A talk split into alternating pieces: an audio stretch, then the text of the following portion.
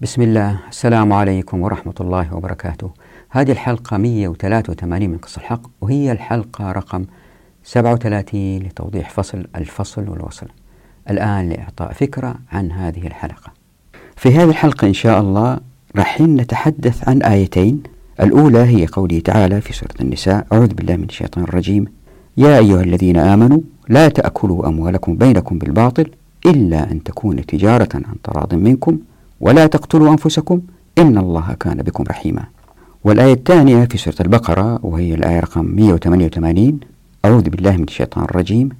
ولا تأكلوا أموالكم بينكم بالباطل وتدلوا بها إلى الحكام لتأكلوا فريقا من أموال الناس بالإثم وأنتم تعلمون. ولأن الآيتين مهمتين وإذا أعطيت عنهم فكرة سريعة هنا ويمكن إذا دخلت في تفاصيل هذه الحلقة أولا كذا ثم كذا ثم كذا أفقد بعض المشاهدين إلا أتمنى أنهم يشاهدوا هذه الحلقة حتى يزدادوا قناعة بالربط بين القرآن الكريم وواقعنا المعاصر. ففي هذه الحلقة لن نتحدث عن الرضا بما ذهب إليه الفقهاء من حيث شروط البيع والشراء وأن العلماء أقوال مختلفة في تحقيق شرط الرضا في البيع وهل الرضا لا يحصل إلا بالقول أو بالقول والإيجاب أيضا وكيف تشتغل هذه المسائل في أيامنا هذه. من حيث البورصات والشبكات المالية من خلال التعاملات المالية الكبيرة من خلال البنوك والشاشات وما إلى ذلك. فهذه المسائل لن ندخل فيها ولكن حتى أعطيكم فكرة بسيطة عن الموضوع. تخيل مثلا أنك تشتري قارورة ماء من شاب أو طفل صغير واقف الشمس الحارة ويبيعك هي بمثلا ما يعادل عشر دولار. بتعطي له المال وانت راضي تماما لأنك بتقدر الألم اللي هو فيه مقابل الفائدة اللي بتجنيها أنت من هذا الماء وأنت عطشان. هذا يختلف تماما عن شرائك لقارورة ماء في مطعم مثلا وضعوا لك فيها عشر أضعاف السعر لأنها ماء مميز ومن نبع وهذا النبع في حق امتياز لشخص متنفذ في استخراج الماء وتعليبه وبيعه بأسعار فلكية هنا الزبون بيدفع المال وهو من الداخل غير راضي. بالذات إذا عرف أنه هذا الشخص صاحب المصنع متنفذ وقدر يصل إلى حق الامتياز لأنه إنسان متنفذ. فإلا رح أوضحه في هذه الحلقة لن يخالف ما ذهب إليه فقهاء السلف لكن هو مفهوم نوعا ما مختلف يتصل بحالنا اليوم ويصف بدقة حالنا اليوم. وهنا في مسألة نسيت أوضحها في هذه الحلقة ألا وهي أنه السلع أيامنا هذه معظمها لا تنتج إلا بالاحتكار. مثلا الشخص الذي يبيع بلاطات صخرية تستخدم في الواجهات مثلا أو في الأرضيات هذا حصل على حق الامتياز من الدولة وآخرين عندهم المقدرة ويستطيعوا استخراج نفس الصخور لكن لم يحصلوا على حق الامتياز هذا. فبالتالي الشخص اللي بيبيع هذه الصخور اللي عنده حق الامتياز بيبيعها بسعر نوعا ما مرتفع. هنا الاحتكار واضح وأعطي لجماعة مخصصة. هناك احتكار أقل من الوضوح مثل الخبازين. الإنسان لازم يحقق شروط معينة تطلبها البلدية حتى يحصل على الترخيص. يعني هو حصل على الترخيص في ظل أنظمة وضعية لا تحتكم إلى الشريعة ولكن إلى أنظمة البلديات. فالإنسان عندما يشتري الخبز هو أكثر رضا من الشخص الذي يشتري الماء اللي استخرجوا ذلك المتنفذ من النبع الصافي النادر. فمسألة الاحتكار هذه ورضائية الناس في درجات متفاوتة. مسألة أخرى أنا عليها هي قياس الرضائية. طبعا يستحيل إلى درجة كبيرة لأي باحث أنه يعرف إلا في نفوس الناس ويقيسها. هل هذا راضي 20% أو 35% أو 70% لكن زي ما تشوفوا في هذه الحلقة إن شاء الله راح أوضح الظروف المحيطة بالإنتاج كمؤشرات متوقعة للرضائية. وهذه تأتي من تدبر الآيتين.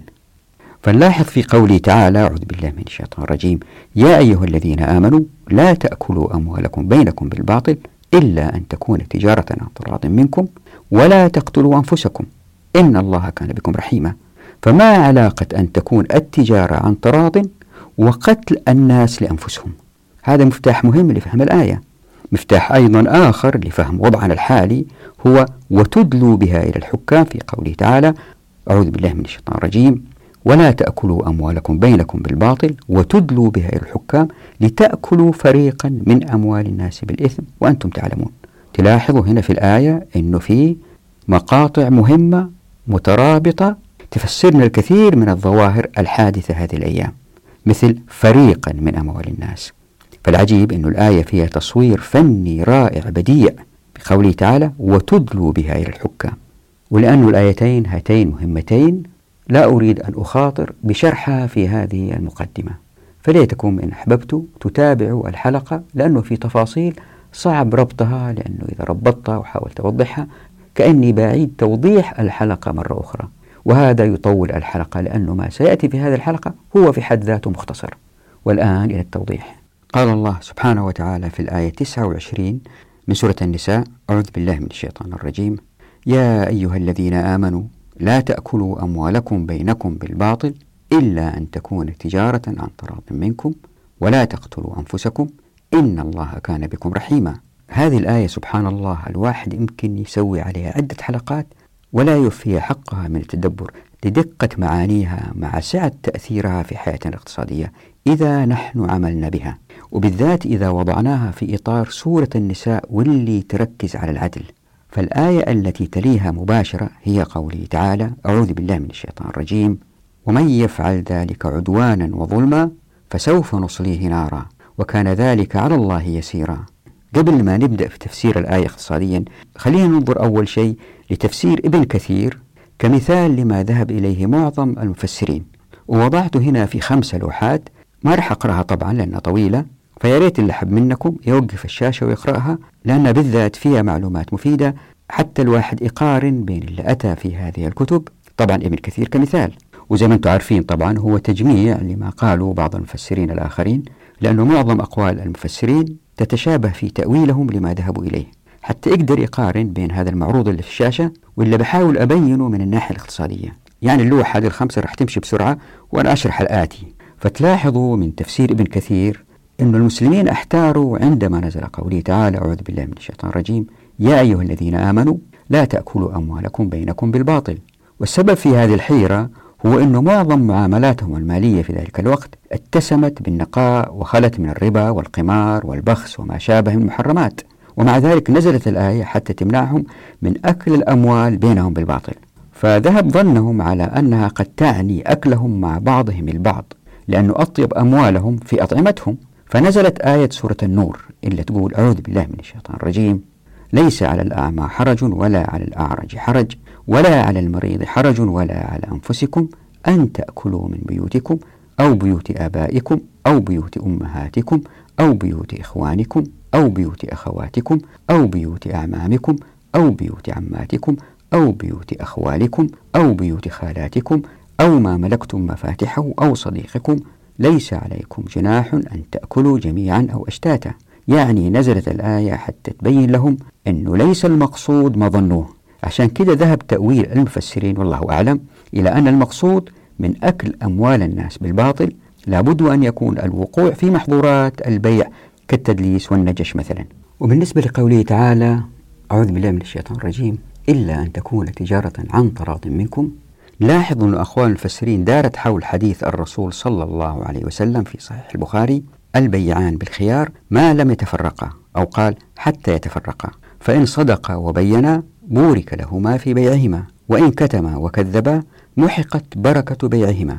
بعد كده إذا نظرنا لتأويل قوله تعالى ولا تقتلوا أنفسكم تلاحظوا أن التأويل ذهب على أن التخفيف عن الناس كقصة عمرو بن العاص عندما أما الناس في الصلاة ولم يغتسل. بل تيمم فقط وتلاحظوا أن الربط بين المقطعين يا أيها الذين آمنوا لا تأكلوا أموالكم بينكم بالباطل إلا أن تكون تجارة عن تراض منكم وقوله تعالى ولا تقتلوا أنفسكم بحاجة لمغزى مقنع في تأويل الآية. يعني لماذا اجتمع هذان المقطعان في نفس الآية؟ هذا سؤال جذري. ويمكن السؤال هو كيف نربط بين هذه المعاني المتفرقة لتظهر الآية برسالة واضحة تجمع هذه المعاني؟ لاحظوا أن الآية فيها أربع مقاطع واضحة جدا. الأول هي قوله تعالى أعوذ بالله من الشيطان الرجيم يا أيها الذين آمنوا لا تأكلوا أموالكم بينكم بالباطل. والثاني إلا أن تكون تجارة عن تراض منكم. والثالث ولا تقتلوا أنفسكم. والرابع إن الله كان بكم رحيما. يعني اجتماع في آية واحدة يحتاج إلى نوع من التدبر للوصول للربط المتوقع بينهم. خلينا أول شيء ننظر إلى قوله تعالى إلا أن تكون تجارة عن تراض منكم. فما الذي يمكن أن يعنيه هذا المقطع من الآية؟ خلينا أوضح في العادة التجارة زي ما أنتم عارفين كلكم هي صفقة بين بائع ومشتري. هات وخذ الآن البائع في الغالب يكون مقتنع بالسعر اللي يضعه وهو راضي. ليه؟ لأنه بيقدر أتعابه وأرباحه ويحط السعر ويقول هذا هو السعر فهو راضي. مسألة عرض وطلب. أحيانا في بعض الدول تتدخل الدول وتضع عليه سعر لازم يبيع به اللي هو أقل من السعر اللي هو حطه في الغالب. يندر أنه الدولة تقول له بيع بسعر أغلى. دائما يخفض الأسعار. في الحالة هذه يمكن يبيع وهو غير راضي. لكن لاحظوا أنه لأنه هو اللي بيبيع وما هو راضي في احتمال يمكن يهمل في إنتاج البضاعة أو وقت البيع أو اللي يكون لأنه عارف أنه الدولة ما قالت له نزل السعر إلا لأنه بضاعته ماشية ماشية ماشية وحتى ما يصير في غلاء فرضوا عليه السعر. فيبدأ يهمل يمكن في النوعية في حجم الخبز يمكن يصغره يمكن ما يفتح في الوقت المناسب يفتح ساعات أقل لأنه عارف أنه زباين راح يحشروا حالهم ويأخذوا بضاعته. والأمثلة في هذا المجال عديدة جدا توضح أنه في فرصة للتاجر أنه يرضى حتى لو كان مرة ما كان راضي مية في المية هو راضي بنوع من الإهمال. لكن المشتري هو اللي أحيانا وفي الغالب يكون ما هو راضي. ليش؟ أنتم عارفين في الكثير من الأمثلة إذا ما دفعت فاتورة الماء الشركة تقطع الماء. أما تدفع ولا نقطع؟ فادفع وهو ما هو راضي.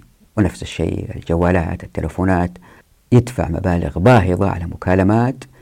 يروح لدولة أخرى يشوف جوالات دولة أخرى يجدها بسعر أقل كثير من حيث التكلفة في المكالمات ولا في استخدام الواي فاي اللي يكون أقصد الإنترنت. والمسألة أيضا تنطبق على مشاريع الإسكان يمكن يأتي أمير أو ابن وزير أو وزير ويأخذ أرض كبيرة بسعر منخفض من الدولة ويبني فيها مشاريع ويبيعها الناس. الناس يعرفوا أن المبلغ اللي بيدفعوه هو ليس قيمة الأموال موجودات إلا على الأرض يعني قيمة المباني والأبواب والشبابيك وما إلى ذلك. لا هي قيمة الأرض أيضا اللي هي بسعر السوق واللي أخذها الشخص هذا اللي بيبيع بسعر منخفض جدا إذا ما كان مجانا. في الحالة هذه هو ما هو راضي. هو بيدفع مبلغ هو ما هو راضي. نفس الشيء مثلا آه لما يشتري حليب. الحليب يمكن بتنتجه آه مزرعة. المزرعة هذه قدرت تصل إلى معونات من الدولة قدرت تحفر آبار بمعدات الدولة أو يمكن قدرت تحصل على تراخيص شخص عادي ما يمكن يحصل عليها أبدا. مش أي واحد يقدر يسوي شركة كبيرة بمزرعة كبيرة إلا بموافقات من الحكومة.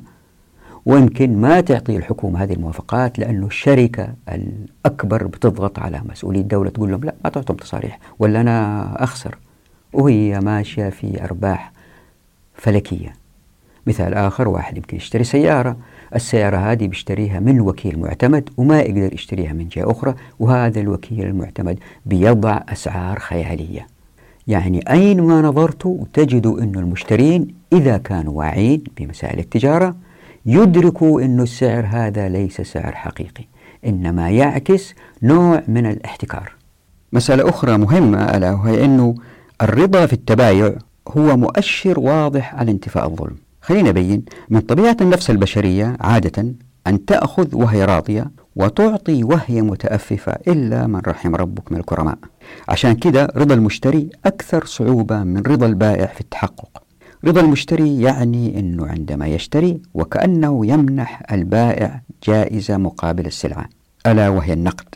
وهذا الرضا يقع عادة إذا اقتنع المشتري أن البائع إنما اجتهد وتعب لإنتاج أو استيراد السلعة.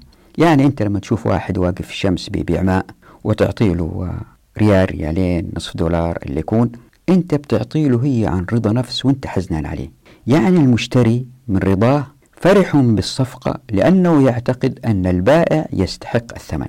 يعني يمكن يكون البائع تاجر أحضر السلعة من مكان بعيد للمشتري دون ما احتكار أو أنه البائع هو نفسه الصانع للسلعة. مثلا هذا الصانع الخياط مثلا لأنه خاط القميص بإتقان يستحق الأجر مقابل عمله.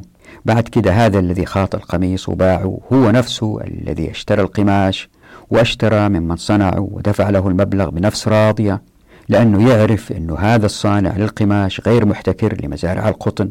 وأنه لم يحصل على الترخيص للتصنيع لأنه مقرب من المسؤولين لكن اجتهد وتعب وعمل المصنع يعني هو وشركائه أوجدوا هذا المصنع بكل جدارة.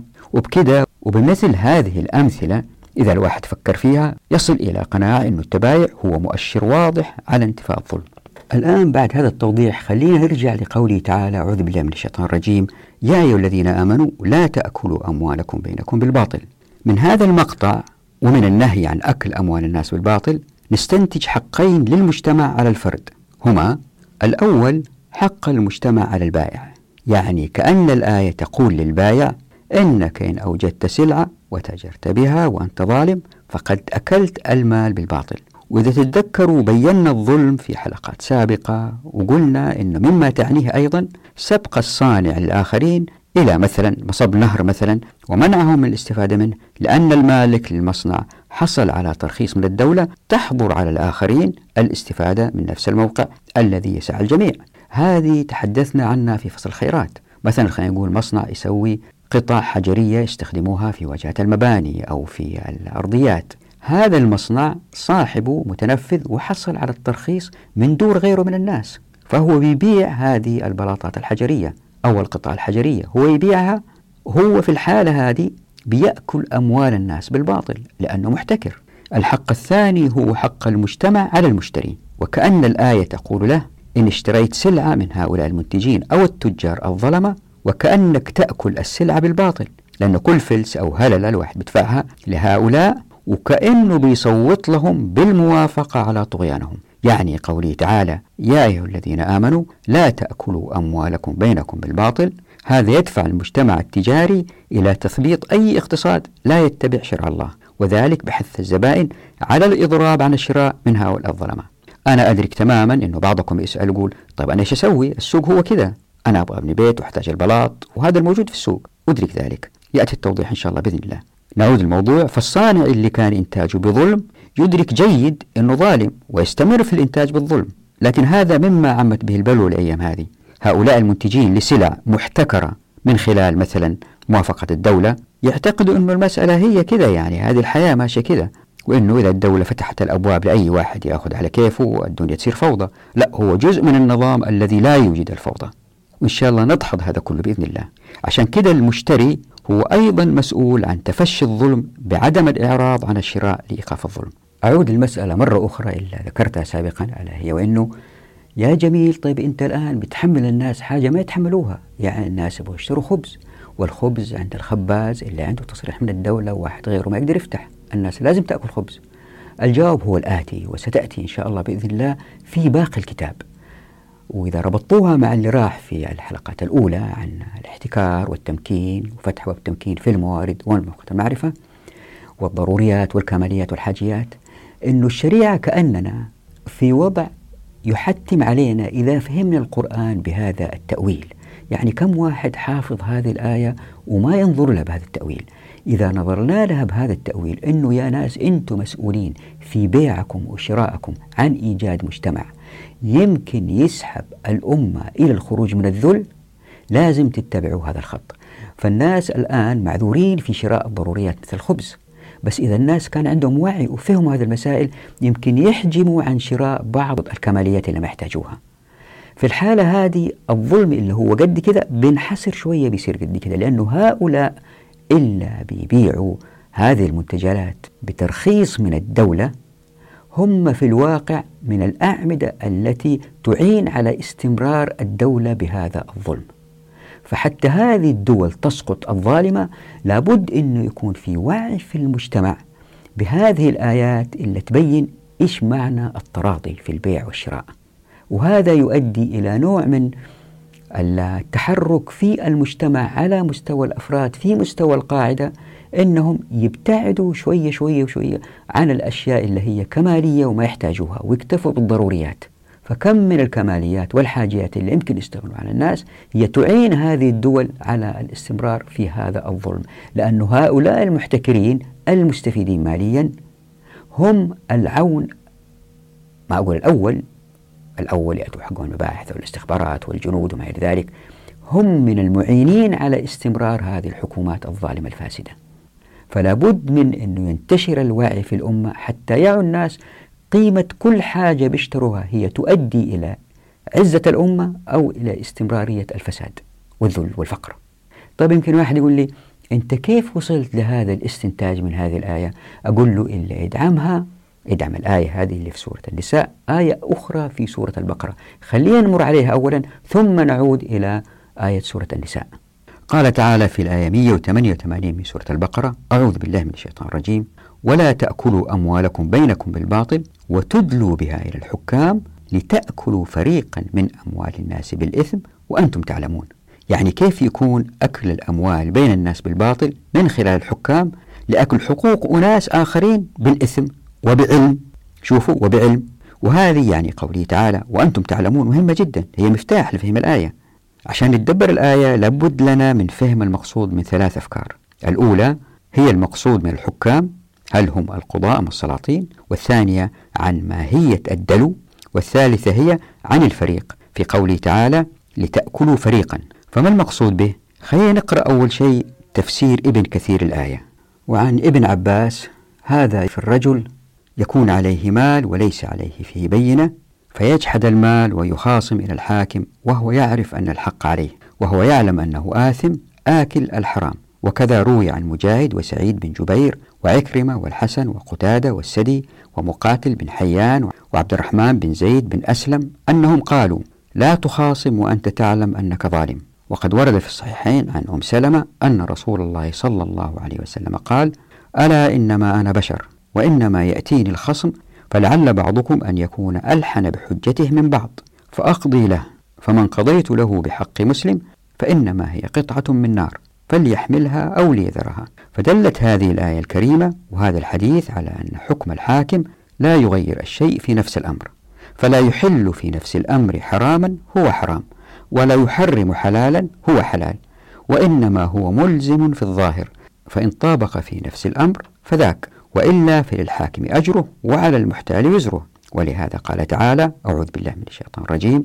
ولا تأكلوا أموالكم بينكم بالباطل وتدلوا بها إلى الحكام لتأكلوا فريقا من أموال الناس بالإثم وأنتم تعلمون. أي تعلمون بطلان ما تدعونه وترجونه في كلامكم. قال قتادة اعلم يا ابن آدم أن قضاء القاضي لا يحل لك حراما ولا يحق لك باطلا وإنما يقضي القاضي بنحو ما يرى وتشهد به الشهود. والقاضي بشر يخطئ ويصيب. واعلموا أن من قضي له بباطل أن خصومته لم تنقص حتى يجمع الله بينهما يوم القيامة فيقضي على المبطل للمحق بأجود مما قضى به للمبطل على المحق في الدنيا. يمكن لاحظتوا أن هذا التفسير اللي ذكرته الآن السابق أنه رضا الفرد بحكم القاضي وهو يعلم أنه ظالم لأنه خصمه لا حجة لديه أو يمكن ما يعرف يظهر حجته بوضوح وأن حكم القاضي له لا يحلل النزاع له هذا التفسير لم يشتمل على دفع مال للقاضي لينحاز القاضي لجانبه بينما الآية تشير إلى ذلك بوضوح. يعني لازم يكون في تأويل آخر. لكن في جميع الأحوال الذي سيأتي من تأويل بإذن الله لا يعارض أن المقصود في الآية ليس بالضرورة الحكم القضائي بين اثنين كما ذهب المفسرون. يعني هم ركزوا على الحكم القضائي بين اثنين بل المقصود والله أعلم هو لجوء طبقة من المنتجين إلى طبقة الحكام لأكل أموال الناس بالظلم. هذا إلا إن شاء الله راح أحاول أثبته. للتوضيح خلينا نقرأ أولا ما جاء في تفسير الطبري عن قوله تعالى وتدلوا لاحظوا أنتم تقرأوا أنه معنى كلمة سبب هو الحبل وأصل الإدلاء إرسال الرجل الدلو في سبب متعلقا به في البئر. فقيل للمحتج بدعواه أدلى بحجة كيت وكيت إذا كان حجته التي يحتج بها سببا له هو به متعلق في خصومته كتعلق المستقي من بئر بدلو قد أرسلها فيها بسببها الذي الدلو به متعلقة. يقال فيهما جميعا أعني من الاحتجاج ومن إرسال الدلو في البئر بسبب أدلى فلان بحجته فهو يدلي بها إدلاء وأدلى دلوه في البئر فهو يدليها إدلاء. فأما قوله أعوذ بالله من الشيطان الرجيم وتدلوا بها إلى الحكام فإن فيه وجهين من الإعراب أحدهما أن يكون قوله وتدلوا جزما عطفا على قوله ولا تأكلوا أموالكم بينكم بالباطل أي ولا تدلوا بها إلى الحكام. وقد ذكر أن ذلك كذلك في قراءة أبي بتكرير حرف النهي ولا تدلوا بها إلى الحكام. والآخر منهما النصب على الظرف فيكون معناه حينئذ لا تأكلوا أموالكم بينكم بالباطل وأنتم تدلون بها إلى الحكام. وجاء في لسان العرب عن وتدلوا والتدلي النزول من العلو. قال ابن الأثير والضمير لجبريل عليه الصلاة والسلام وأدلى بحجته أحضرها واحتج بها وأدلى إليه بماله دفعه التهذيب وأدلى بمال فلان إلى الحاكم إذا دفعه إليه ومنه. قوله تعالى أعوذ بالله من الشيطان الرجيم وتدلوا بها إلى الحكام يعني الرشوة. قال أبو إسحاق معنى تدلو في الأصل من أدليت الدلو إذا أرسلتها لتملأها. قال ومعنى أدلى فلان بحجته أي أرسلها وأتى بها على صحة. قال فمعنى قوله وتدلوا بها إلى الحكام أي تعملون على ما يوجبه الإدلاء بالحجة وتخونون في الأمانة لتأكلوا فريقا من أموال الناس بالإثم. كأنه قال تعملون على ما يوجبه ظاهر الحكم وتتركون ما قد علمتم أنه الحق. وقال الفراء معناه لا تأكلوا أموالكم بينكم بالباطل ولا تدلوا بها إلى الحكام وإن شئت جعلت نصب.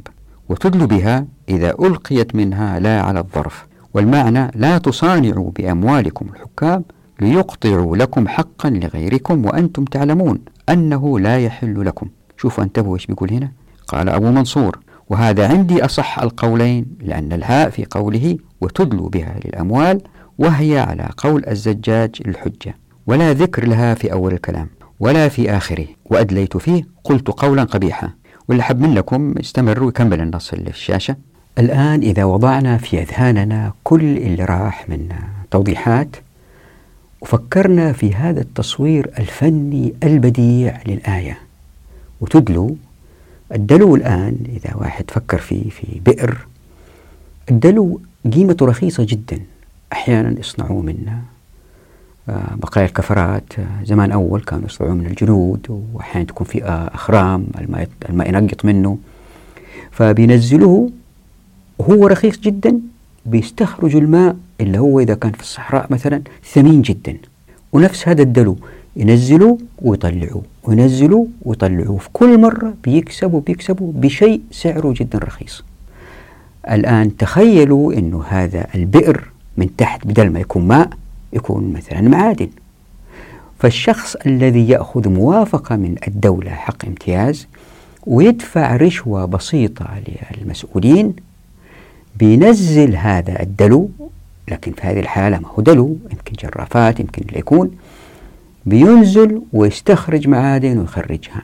بنفس هذا التصريح اللي حصل عليه اللي هو مثل الدلو غيره ما يقدروا ياخذوا لأنه هناك في الدلو إلا ما عنده دلو ما يقدر ينزل ويخرج الماء تصوير عجيب فني بديع الناس اللي ما عندهم تصريح بأخذ الخيرات من الكرة الأرضية خلينا نقول في هذه منجم مثلا ما يقدروا ينزلوا ويستخرجوا المعادن لأنه ما عندهم الدلو ما عندهم التصريح ما رشوا المسؤولين بأموال وبالتالي ما عندهم حق امتياز والتصوير فني ليه؟ لأنه الدلو الواحد لما ينزله هو بيخرج الماء يخرجه بسرعة أحيانا فإن كب بعض الماء بيروح فين؟ بيرجع تاني. ولا يكون الدلو مخرم وبسرعة يخرج ويكب الماء بيرجع تاني. نفس الشيء خلينا نقول مثلا منجم الواحد بيخرج مثلا الصخور اللي فيها ذهب واللي يكون وهو بيخرج في حجار بتطيح هنا وهنا وهنا ما بيخسرها هي جالسة له لأنه راح يجي مرة ثانية ويستخرجها. فشوفوا التصوير الفني كيف أنه الخيرات في الكرة الأرضية ويا ريتكم ترجعوا لفصل الخيرات حتى تشوفوا كيف الشريعة فتحت أبواب التمكين في الخيرات اللي هي المعادن اللي هي الأعشاب الأخشاب. كيف فتحتها بطريقة أن الناس يأخذوا منها قدر ما يستطيعوا وليس قدر كفايتهم قدر ما يستطيعوا. وبالتالي زي ما وضحت مرارا مقدرتهم محدودة. ليه؟ لأنه ما يقدروا يأجروا آخرين يشتغلوا لهم إلا يشتغلوا معهم شراكة. تفاصيل ثانية ما في داعي في الشيء الآن يعني توضيحات كثيرة ما في داعي نشرحها الآن.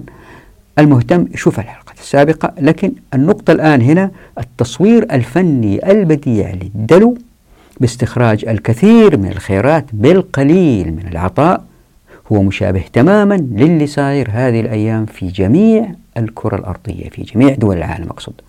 طبعا يمكن واحد يقول هذه مسألة إن شاء الله نوضحها. ومرينا على مرارا أنه في دول العالم المتقدم صناعيا ما في رشاوي ما في كذا ما في كذا لكن اللي يفهم الموضوع يعرف أنه في شركات معينة لها حق الامتياز. وهذا المجال ما هو مفتوح لأي جماعة تروح تشتغل مع بعض وتستخرج معادن في تفاصيل أخرى عدينا عليها سابقا. هذا اللي ذكرته بالإضافة إلى أن تأويلات المفسرين نلاحظ منها أن المتضرر من حكم القاضي هو فرد في الغالب. طيب الآن أين ذهبت كلمة فريقة اللي هي في الآية؟ يعني تأويل المفسرين بتركيزهم على أن المقصود من الآية هو رضا الشخص بحكم القاضي وهو يعلم أنه ظالم؟ هذا التفسير لا يستقيم تماما مع مضمون الآية والتي تحوي كلمة فريقة. فعبارة لتأكلوا فريقا في الآية تشير إلى أن المتضرر هم في الغالب فرقة. فرقا زي ما هو معروف جمع فريق من الناس. يعني طوائف من الناس وليس فردا. خلينا نوضح. فزي ما صاحب الدلو يأخذ من البئر بمزاحمة الناس بالتالي يمكن يضرهم إذا لم يكن له الحق في ذلك. كذلك المستثمر شوف التشبيه كيف بديع. هذا المستثمر اللي رشى السلطات للحصول على الاستثناء من دون الناس فهو إنما يأكل من حقوق طائفة من الناس يعني يضر بفريق من الناس. شفتوا التشبيه كيف عجيب؟ ليش عجيب؟ خلينا نوضح. إذا نظرنا لأي نشاط اقتصادي في أي بلد رح نلاحظ بسرعة أن المستفيدين أو الخاسرين من الناس عادة ما يتشكلون على شكل فرق. يعني يمكن فرد يخسر لكن لأنه في منظومة اقتصادية أيضا جماعات تخسر وجماعات تكسب. يعني فرقة قد تستفيد من النظام الاقتصادي في الوقت الذي قد تخسر فيه فرقة أخرى. وبكذا الناس اللي هم يشتغلوا في الاقتصاد ينقسموا إلى جماعات من حيث الربح. جماعة مثلا تتاجر بالعملات وجماعة تتاجر بالأسهم وثالثة تربح من بيع السجاجيد ورابعة من صناعة العصيرات وخامسة من صناعة الطائرات وسادسة من زراعة القمح وهكذا من آلاف الفرق. فمثلا إذا كان ضربت جائحة ما سيرتفع سعر القمح مثلا ليستفيد تجارها على حساب تجار الكماليات. وهذه لا حول ولا قوة فيها البشر لكن في المقابل هنالك من الضرر الذي يقع على الفرق بسبب ظلم طائفة من البشر لهم. فمن الأمثلة على هذا حصول جماعة من الشركاء على الموافقة لبناء مصنع لمعجون الطماطم لأن المنطقة انتشرت بها زراعة الطماطم. بعد كذا إذا تمكنوا هؤلاء الشركاء من استصدار قانون يمنع تصدير الطماطم حتى لا يتوقف المصنع اللي هم أنشأوه عندها فإن هؤلاء الشركاء قد أضروا بفريق من الناس ألا وهم زارعو الطماطم واللي بالتالي راح تدنى أرباحهم بسبب منع التصدير. يعني طائفة أدلت بالمال للحكام لتأكل فريقا من أموال الناس بالباطل. وإذا جاءت طائفة أخرى واستصدرت من الدولة قانون يمنع شراء السيارات إلا ومع بوليس التأمين؟ فإن على جميع سائقي السيارات دفع الأموال دون رضا منهم لهذه الشركة المملوكة لهؤلاء المتنفذين. فزي ما أنتم عارفين كلكم شركة التأمين بدأت تتوغل في العالم العربي ما كانت موجودة سابقا. والواحد إذا فكر يجد أمثلة ما لها نهاية من مثل هذه الاستغلالات والاحتكارات. وبكذا يصبح المجتمع الاقتصادي إن كان في مجتمع لا ديمقراطي مرتع لرشوة المسؤولين. وتقريبا كل الدول العربية تعمل بهذه الطريقة. لكن إذا كان المجتمع ديمقراطي وبشفافية عالية مثل الولايات المتحدة الأمريكية مثلا بالتالي رح يصبح المجتمع مرتع للتسابق بين الفرق لتغيير القانون. كل فريق يحاول تغيير القانون لصالحه وهذه وضحناها في فصل القذف بالغيب. يعني كل جماعة تحاول تغيير القانون لصالحها من خلال المرافعات والانتخابات ودعم المرشحين. وهكذا تؤكل أموال فريق من الناس بالباطل. هذه المسألة لأنها مهمة خلينا أعطيها المزيد من التفصيل. زي ما أنتم عارفين أكثركم وعايشين هذه المسائل اللي بينتجوا ويتاجروا بظلم ما استطاعوا فعل هذا والاستمرار فيه في منتجاتهم بظلم إلا لأنهم وجدوا من يدعمهم في هذا الاستمرار. طبعا هذا الاستمرار لن يقع إلا إذا كانت الحكومات عارفة وهي اللي بتدعمه. فالظلم زي ما هو معروف أحيانا يكون لحظي يعني واحد يمكن يضرب واحد ثاني أو يسرق فلوسه. هذا ظلم لحظي. لكن الظلم المستمر لابد وأن يعني نظام أو عرف تقبل الجميع حتى يستمر وهذا الاستمرار للظلم بالطبع لن يقع إلا بدعم من الحكام الذين يسكتون عنه. هذا طبعا إذا ما كانوا هم جزء منه. فالحكام لن يسكتوا عن الظلم ليستمر إلا إذا استفادوا منه. مثلا أخذ المكوس من التجار مقابل تقديم تسهيلات حصرية لهم. وهذه التسهيلات طبعا مقننة كفرض الضرائب على المنتجين المحليين. أو العكس فرض الجمارك على الاستيراد ليستفيد الصناع المحليين أو كالتاجر المصدر للمعادن بعد الحصول عليها من الطبيعة ولكن بعد دفع المكوس المرتفعة للسلطات مقابل منع الآخرين من الوصول لنفس المعدن. وطبعا التجار والصناع يعلمون هذا جيدا. لهذا يحابون الحكام والمسؤولين كما هو واضح من قوله تعالى أعوذ بالله من الشيطان الرجيم وتدلوا بها الحكام. إذا جلست مع أي مجموعة من التجار تجد جزء من كلامهم هو سياسة تلافي السلطات. وفي قصة سمعتها وتعجبت منها يمكن الواحد ما يأكدها لكن سمعها من كذا باحث هو أنه حتى منشآت المسجد الحرام كانت حكر لعائلة واحدة في بنائها بأسعار خيالية وأن العائلة هذه رضيت بهذا الاحتكار. فمثلا كان في محجر للرخام خارج مكة المكرمة مخصص لهم بحجة أنه لاستخدام واجهات المسجد الحرام. الآن بعد هذا الفهم خلينا نعود لتفسير سورة آية النساء. فنلاحظ أنه في الآية في ثلاثة إعجازات. الأول يتركز في قوله تعالى بينكم فزي ما وضحت مرارا فتطبيق مخصوص الحقوق سيؤدي إلى مجتمع إنتاجي ليس للدولة فيه أي مكان في التعاملات لا في السلع والخدمات ولا شيء. وهذه وضحتها سابقا لكن تأتي بالتفصيل إن شاء الله في فصل الأماكن. يعني الناس يتبادلوا السلع والخدمات بين بعض فتظهر شركات أو أوقاف وما إلى ذلك. حتى المرافق العامة كالكهرباء وخدمات الهاتف وتعبئة الطرق. مرينا عليه سريعا وتأتي إن شاء الله في الأماكن هي من إنتاج الناس شراكة أو فرادى وليس الدولة فتأملوا الخطاب للذين آمنوا في الآية بالتركيز على بينكم. فبينكم تعني بين اثنين أو أكثر ولكن كفرد أو كشركاء في مستوى واحد دائما وليس دولة وفرد في مستويين مختلفين. يعني علاقة الفرد بالدولة دائما علاقة دنيا لعليا بينما علاقة الأفراد في المجتمع بين بعض هي علاقات أفقية ما في واحد أو جماعة أعلى من الثانية. وهذه مسألة المستويات إن شاء الله يأتي تفصيلها في فصل الأماكن إن شاء الله بإذن الله. ويمكن بعضكم ما يكون مقتنع عن تأويلي إلى بينكم لكن فقط الاستمرار أقول بأن دليلي على أن بينكم تعني أفراد أو جماعات كشركاء في مستوى واحد هو قوله تعالى إلا أن تكون تجارة. وهذا هو الإعجاز الثاني. والسبب في كده هو أن الدولة إن تعاملت مع الناس وما طبقت مقصود الحقوق فإن التعامل ليس بتجارة لكن خدمة تقدمها الدولة دون ما مقابل أو مقابل مبلغ رمزي كما هي رسوم المتاحف مثلا أو لتغطية بعض النفقات كما هي حال المواصلات العامة. يعني التعامل بين الدولة والناس ليست تجارة بل خدمة لأن الدولة بتأخذ المعادن والخيرات وتأخذ من الناس ضرائب مكوس. أي أن الآية تقول لنا أن التعامل المطلوب لإيجاد مجتمع إنتاجي سليم دون تلويث أو استعباد وبعدل مطلق وكفاءة مرتفعة هو من خلال التجارة فقط. يعني كأن الآية تقول إن أي أكل للمال أي أي تعامل بينكم إن لم يكن تجارة فهو باطل. وهذه نقطة مهمة نلتفت لها. فالتعاملات التي أحدثتها المجتمعات المعاصرة كثيرة جدا ومنها ما هو ليس بتجارة. ويمكن أبسط مثال لذلك هو الخدمات اللي تقدمها الدولة كالعلاج والتعليم وشركات الكهرباء التي تفرض ما تراه على السكان من رسوم دون رضا منهم لاحتكارهم لحق توزيع الكهرباء. طبعا هذا مثال واحد والواحد يقيس على هذا المثال جميع الخدمات التي تقدمها الدولة. فجميع هذه التعاملات بنص الآية باطلة لأنها ليست تجارة بين الناس. شفتوا كيف إحنا ضايعين على الشريعة؟ فإن طبقنا الشريعة لن تظهر هذه المؤسسات التي هي بدعم من الدولة وتحت مظلة الدولة وفيها ناس ما ينتجوا وفيها هدر كبير وفيها تلويث ما إلى ذلك. هذه المسائل البثيرة أنا هي محورية لكتاب قص الحق ومن بداية الكتاب بوضحها مرارا وتكرارا. وبعيد هذا الكلام حتى الأخوات والإخوان المشاهدين إلا ما شافوا الحلقة الماضية يرجعوا لها. يمكن يقتنعوا كيف أن الشريعة معجزة في هذه المسائل. طبعا بعضكم يمكن هنا يثير سؤال عن التعاملات اللي قرأتها الشريعة كالمغارسة والمزارعة والإجارة والتي قد لا تظهر وكأنها تجارة. جوابي هو أنها هي تجارة أيضا وهذه سيأتي تفصيلها في فصل البركة إن شاء الله. فالمستأجر للعقار يأخذ حق الاستخدام مقابل المال. يعني ما يقدر يقول واحد هذولي فردين في مستويين مختلفين لا. ولا يأجر عضلاته لحفر بئر فهو إنما يتاجر بقوته مقابل المال. وكذلك الطبيب الذي يعالج بإذن الله فهو إنما يأخذ أجرا مقابل استشارة المرضى له.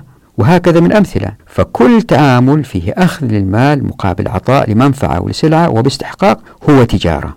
لاحظوا أن الأوقاف عطاءات أو منح من فرد أو جماعة لآخرين وليست مقابل المال كالخدمات اللي تقدمها الحكومات. وهذا فرق جذري. يعني وكأن الآية تصر بأن المجتمع المسلم سيكون على الصراط المستقيم فقط إن كان التعامل بين أفراده بالتجارة وعن تراض وإلا فإن المجتمع سينحرف. كيف؟ بعد كده يأتي الإعجاز الثالث. ألا وهو قوله تعالى أعوذ بالله من الشيطان الرجيم ولا تقتلوا أنفسكم. هذه عبارة عجيبة. لاحظوا أن الخطاب للجماعة. كيف الناس يقتلوا أنفسهم كجماعة؟ هنا في ملاحظ أنه هذا التأويل القادم اللي راح أقول الآن لا ينافي ما قاله ابن كثير وغيره من المفسرين بأن قتل النفس المقصود به انتحار الفرد. فاللي بحاول أوصل له أنه وضع قوله تعالى ولا تقتلوا أنفسكم في الآية لابد وأن يعني أن التجارة إن لم تكن بينكم عن تراض فستقتلون أنفسكم. كيف؟ زي ما ذكرت سابقا فإن التراضي يعني حق المجتمع على المشتري وعلى البائع. فإن لم يحرص لا المشتري ولا البائع على تحقيق هذا الحق فلا بد وأن تظهر الطبقية المؤدية للفساد وبالتالي سيهلك بعض الناس كيف؟ بالتأكيد التابع الحلقات من البداية الآن منكم يستطيع الآن فهم ويمكن التوضيح للآخرين معنى كيف يمكن لهذه الآية تؤدي إلى إذا ما كان البيع بالتراضي بين الناس اللي بتصفها الآية تؤدي إلى قتل الناس لأنفسهم ليه؟ لأنه زي ما تتذكروا قفل أبواب التمكين في الموارد والموافقة والمعرفة ومن خلال الاحتكار اللي أوجد الطبقيات واللي أدت إلى أنه العمل العسكري يكون وظيفة وليس عبادة فظهر حكم العسكر الذي أدى إلى الفقر والجهل وتخلف المجتمعات وهذه أدت إلى موت الناس وأيضا الاستعباد للناس اللي يشتغلوا في المناجم في بيئات غير ملائمة لأنهم مستعبدين لأنه أبواب التمكين مغلقة أمامهم يضطروا للعمل في ساعات طويلة في بيئات سيئة يموتوا وهذا قتل.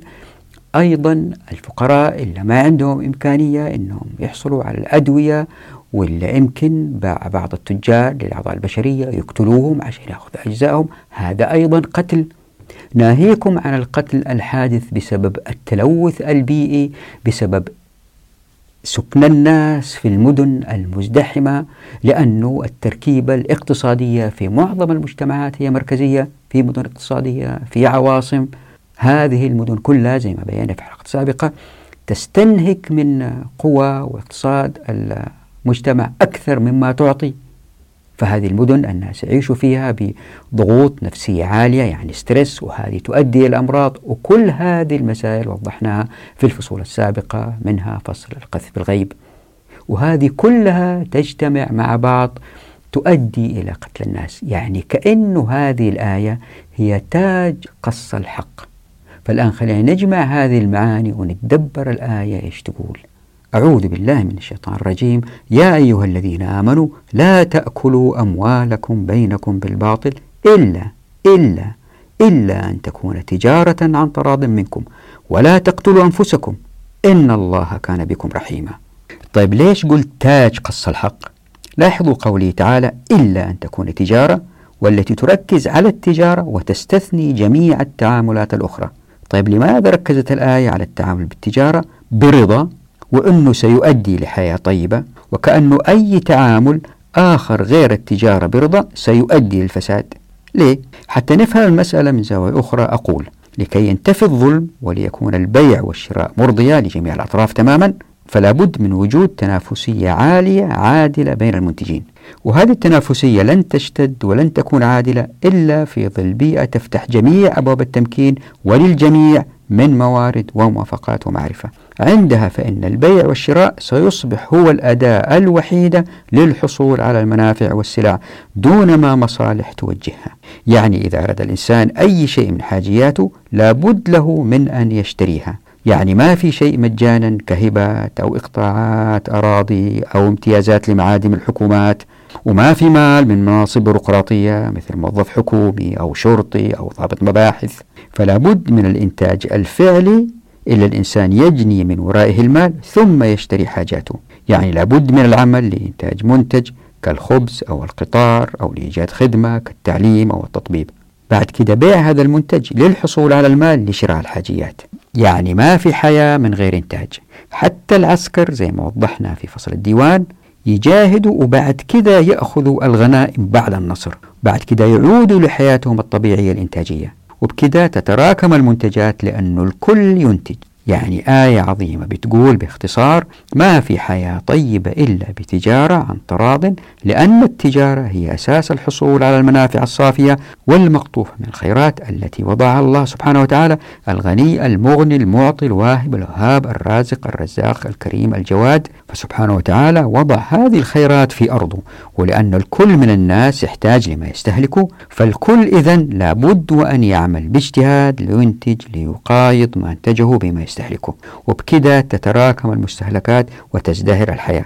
طبعا هذا الكلام لا يعني أنه الكل لازم يشتغل لا في ناس آخرين يعطوهم. زي مثلا والد أبنائه يعطوه أو ابن أبوه يعطيه.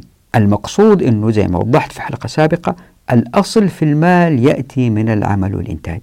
وليس من بيروقراطيات أو هبات أو منح من مسؤولين في الحكومات. مثل موظف جمارك مثل موظف جوازات وما إلى ذلك. من أعمال بيروقراطية ما تؤدي إلا إلى ذل الأمة. طبعا يمكن بعضكم يقول هذا إيش بيقول؟ هذه المسائل وضحتها سابقا وسيأتي تفصيلها إنه هذه الأعمال البيروقراطية تضر أكثر مما تنفع. لاحظوا أيضا إنه الحياة في ظل تجارة عن تراض لن تظهر فيها البطالة المقنعة، فلن يوجد مثلا وزير ليكون له سائقه الخاص به، وبهذا يقل عدد السائقين المأجورين، ولن يوجد ثري فاحش ليعمل له العشرات في منزله، وبكذا يقل عدد الخدم إلا لما له ضرورة. وبالطبع لن يوجد الجند للدفاع عن السلطان ومواليه. ولن توجد أجهزة المباحث وأمن الدولة والاستخبارات التي يأكل موظفوها دون ما إنتاج. وهكذا لن توجد البلطجة ولن توجد المؤسسات الحكومية التي تقدم الخدمات والمدخمة بالموظفين المهملين. ولأن الكل لابد وأن يعمل لينتج ليبيع ليعيش فإن الكل سيتوكل على الله ويدعوه ليوفق في إنتاجه فيتعلق قلبه بالله. لكن مع توظيف الدولة للناس وللمعاشات من السلطات فالتوكل على الله سيضمحل. وعندها سيسير بعض الناس في أعمال لا منتجة فعليا بل أعمال منتجة لتخدم الهرم السلطوي مثل موظفي المباحث والاستخبارات وسعاة البريد بين الدوائر الحكومية والحرس والخدم وما شابه. وطبعا شتان بين المجتمعين. يعني مجتمع أفراده ترعرعوا متوكلين على الله طلبا للرزق فهم أحرار أعزاء والآخر أفراد منافقون للمسؤولين طلبا للمعاش. هؤلاء تربوا على الذل ولن يستطيعوا العيش دون استنشاق غبار أحذية المستعبدين لهم. كما حدث لأولاك الذين وقفوا مع الانقلاب العسكري في مصر مع السيسي الأخرق. فيا سبحان الله كيف أتجمع على الأمة هذه الأيام حكام كل واحد منهم الواحد يكتب في مؤلفات عن الغباء اللي هم فيه. وبكذا يسير الناس لأعمال تخدم الهيكل السياسي الاجتماعي الضال. ويمكن المؤلم أيضا أن هذه المجتمعات الضالة إلى ما حكمت بالشريعة أتشكلت فيها المهارات للناس مثل الخدم والحرس وبلطجية أمن الدولة وبطريقة لا إبداعية ولا تنافسية ومن غير أي مبادرة. لكن بطريقة أفرادها نفوسهم مكسورة وذليلة وخانعة واتكالية ومهزومة. ومع هذا فهي أحيانا بلطجية ومستكبرة لا تعرف حلال ولا حرام ولا تنكر منكر. وهؤلاء لا يرون طريق آخر للحياة إلا بالاستعباد. أما يستعبدوا أو هم يكونوا مستعبدين. وبالتالي يذل المجتمع وينحط ليسهل استعماره وإضلاله وإغواؤه وهذا فساد عظيم. ولا حول ولا قوة إلا بالله. فهذا معنى قوله تعالى أعوذ بالله من الشيطان الرجيم ولا تقتلوا أنفسكم إن الله كان بكم رحيما. والله أعلم. طبعا زي ما قلت هذا الموضوع البيع والتراضي والتصنيع والجودة هو طويل إحنا الآن في بدايته يمكن يأخذ أربع خمس حلقات ست حلقات ما أدري. فحتى ما تطول الحلقة نقف هنا. نراكم على خير في أمان الله ودعواتكم.